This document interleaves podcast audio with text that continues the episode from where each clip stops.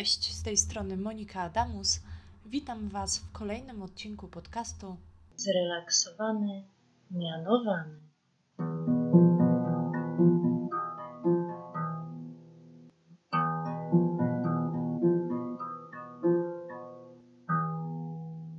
W tym odcinku omówimy sobie indywidualny program edukacyjno-terapeutyczny, w skrócie tak zwany IPET. Informacje o indywidualnym programie edukacyjno-terapeutycznym znajdziemy w rozporządzeniu ministra edukacji narodowej z dnia 9 sierpnia 2017 roku w sprawie warunków organizowania kształcenia, wychowania i opieki dla dzieci i młodzieży niepełnosprawnych, niedostosowanych społecznie i zagrożonych niedostosowaniem społecznym. Przypominam, że jest to aktualne rozporządzenie w momencie, kiedy nagrywam dla Was ten podcast. Indywidualny program edukacyjno-terapeutyczny tworzymy dla uczniów z orzeczeniem o potrzebie kształcenia specjalnego. Podczas egzaminu możecie otrzymać następujące pytanie: co określa indywidualny program edukacyjno-terapeutyczny?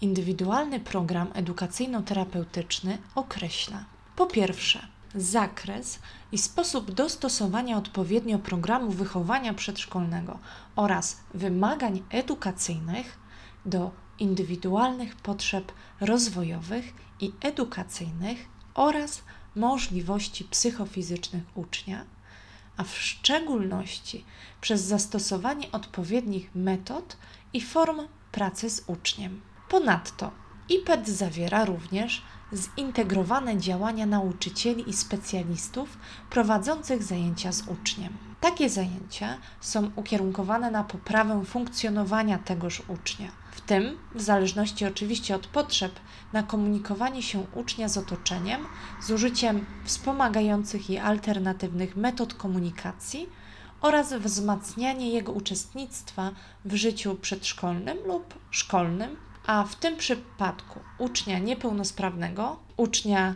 niedostosowanego społecznie, ucznia zagrożonego niedostosowaniem społecznym.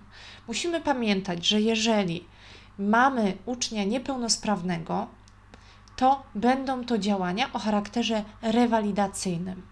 Jeżeli mamy ucznia zagrożonego niedostosowaniem społecznym, to będą to działania o charakterze socjoterapeutycznym. A jeżeli mamy ucznia niedostosowanego społecznie, będą to działania już o charakterze resocjalizacyjnym. Ponadto IPET określa nam również formy i okres udzielania uczniowi pomocy psychologiczno-pedagogicznej oraz wymiar godzin, w którym poszczególne formy pomocy będą realizowane. W IPET znajdziemy również działania wspierające rodziców ucznia oraz jeżeli jest taka potrzeba, zakres współdziałania z poradniami psychologiczno-pedagogicznymi, poradniami specjalistycznymi, placówkami doskonalenia nauczycieli, organizacjami pozarządowymi lub innymi instytucjami oraz podmiotami działającymi na rzecz rodziny, dzieci i młodzieży. Kolejnym punktem w IPEC-ie są zajęcia rewalidacyjne, resocjalizacyjne i socjoterapeutyczne oraz inne zajęcia odpowiednie ze względu na indywidualne potrzeby rozwojowe i edukacyjne oraz możliwości psychofizyczne naszych uczniów. A także, jeżeli mowa o klasie siódmej i o klasie ósmej szkoły podstawowej, a także branżowej szkoły pierwszego stopnia, liceum ogólnokształcącego i technikum, również zajęcia z zakresu doradztwa zawodowego. Kolejnym punktem w IPEC-ie są zajęcia związane z wyborem kierunku kształcenia i zawodu realizowane w ramach pomocy psychologiczno-pedagogicznej, oczywiście z tymi starszymi również uczniami. Zakres współpracy nauczycieli i specjalistów. W przypadku uczniów niepełnosprawnych rodzaj i sposób dostosowania warunków organizacji kształcenia do rodzaju niepełnosprawności naszych uczniów, w tym w zakresie wykorzystywania technologii wspomagających to kształcenie.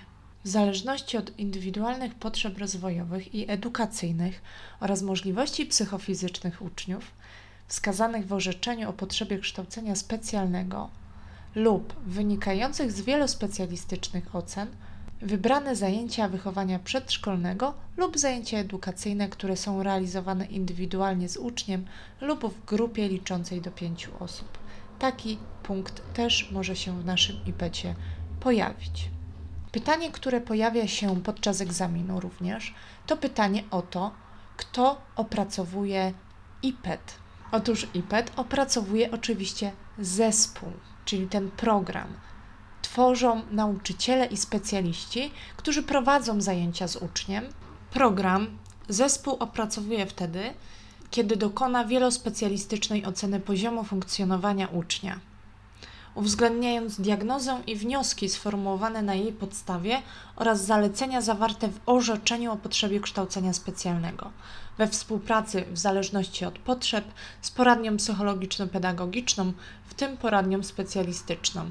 Czyli najpierw spotykamy się, zespół się spotyka, dokonuje wielospecjalistycznej oceny poziomu funkcjonowania ucznia.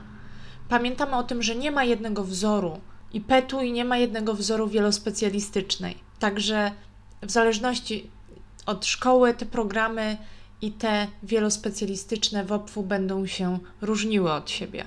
Wracając, program opracowuje się na okres, na jaki zostało wydane orzeczenie o potrzebie kształcenia specjalnego, i ten okres nigdy nie jest dłuższy niż etap edukacyjny. Program opracowuje się w terminie do dnia 30 września roku szkolnego, w którym uczeń rozpoczyna od początku roku szkolnego realizowanie y, np. wychowania przedszkolnego lub kształcenie odpowiednio w przedszkolu, oddziale przedszkolnym, szkole podstawowej lub 30 dni od dnia złożenia w szkole podstawowej czy w przedszkolu orzeczenia o potrzebie kształcenia specjalnego. Kto koordynuje pracę zespołu?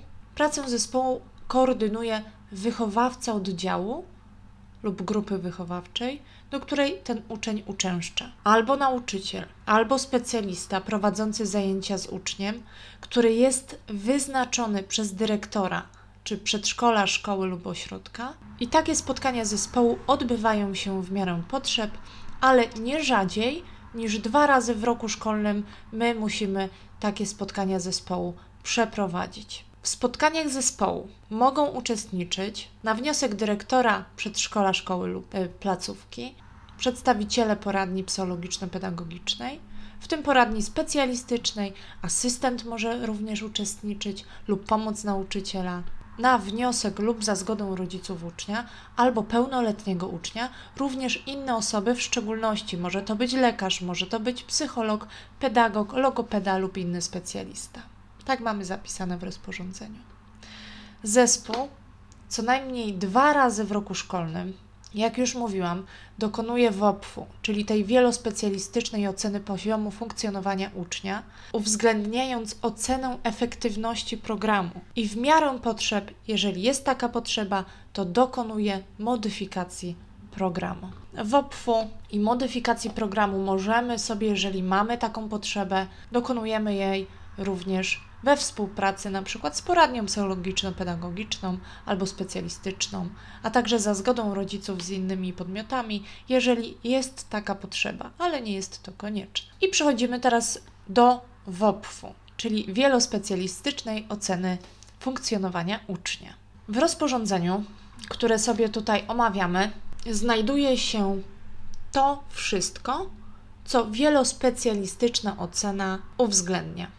To znaczy, po pierwsze, WOPF-u uwzględnia indywidualne potrzeby rozwojowe i edukacyjne naszego ucznia, jego mocne strony, predyspozycje, zainteresowania i uzdolnienia. W zależności od potrzeb, również zakres i charakter wsparcia ze strony nauczycieli specjalistów, asystentów lub pomocy nauczyciela. Kolejnym punktem wielospecjalistycznej oceny są przyczyny niepowodzeń edukacyjnych lub trudności w funkcjonowaniu naszego ucznia, w tym bariery, ograniczenia, które utrudniają mu funkcjonowanie i uczestnictwo w życiu przedszkola, szkoły, WOPF-u uwzględniamy efekty działań, które już podjęliśmy w celu przezwyciężenia tych trudności ucznia. Co musimy przede wszystkim zapamiętać? Indywidualny program edukacyjno-terapeutyczny.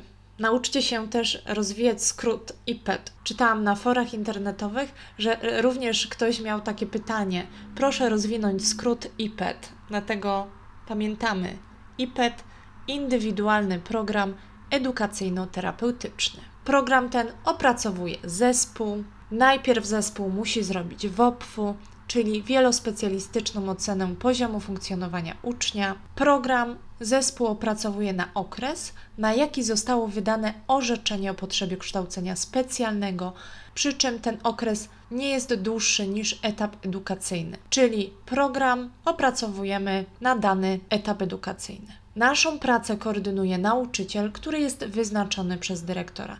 Najczęściej są to pedagodzy szkolni, albo e, pedagog specjalny, albo wychowawca. Spotkania zespołu odbywają się w miarę potrzeb, ale nie rzadziej jednak niż dwa razy w roku szkolnym. Zespół co najmniej dwa razy w roku szkolnym dokonuje również okresowej wielospecjalistycznej oceny poziomu funkcjonowania ucznia, uwzględniają, uwzględniając ocenę efektywności programu oraz w miarę potrzeb dokonuje modyfikacji programu, jeżeli jest taka potrzeba. Czyli jeżeli dostrzegamy taką potrzebę modyfikacji naszego programu, to modyfikujemy tylko te rzeczy, które wymagają zmiany i tylko te obszary naszego programu zmieniamy sobie. I to wszystko, moi drodzy, jeżeli chodzi o indywidualny program edukacyjno-terapeutyczny, w skrócie IPET. Dziękuję Wam za wysłuchanie tego odcinka i zapraszam na następny odcinek mojego podcastu. Zrelaksowany, mianowany.